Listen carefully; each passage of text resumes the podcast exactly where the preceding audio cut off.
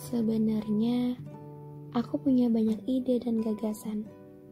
Tapi, untuk menuangkan isi ide itu sulit.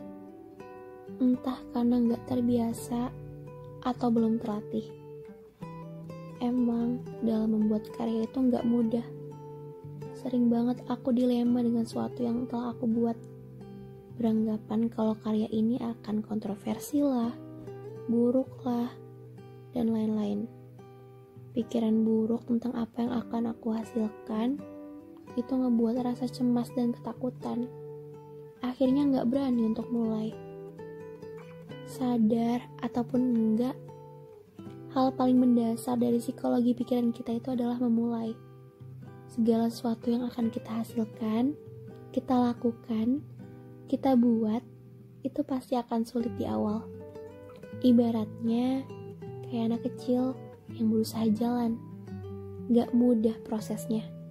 Dari belajar merangkak, berdiri, lalu kemudian berjalan. Proses merangkak ke berdiri, di sinilah yang terkadang susah. Dan itu berlaku untuk hal apa pun. Hal tersulitnya adalah cara awal memulai. Utamanya dalam mengumpulkan niat. Gak jarang loh Udah niat terkumpul, bisa aja batal. Apalagi gak ada niat. Memulai itu harus dengan dorongan.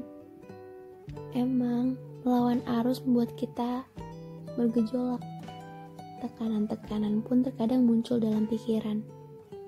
Maka dari itu, penting untuk memahami bahwa mulai merupakan awal dari segala awal melakukan semua hal. Ingat, segala permulaan pasti sulit. Tapi aku yakin kamu bisa. Asal yakin dan niatnya dilakuin.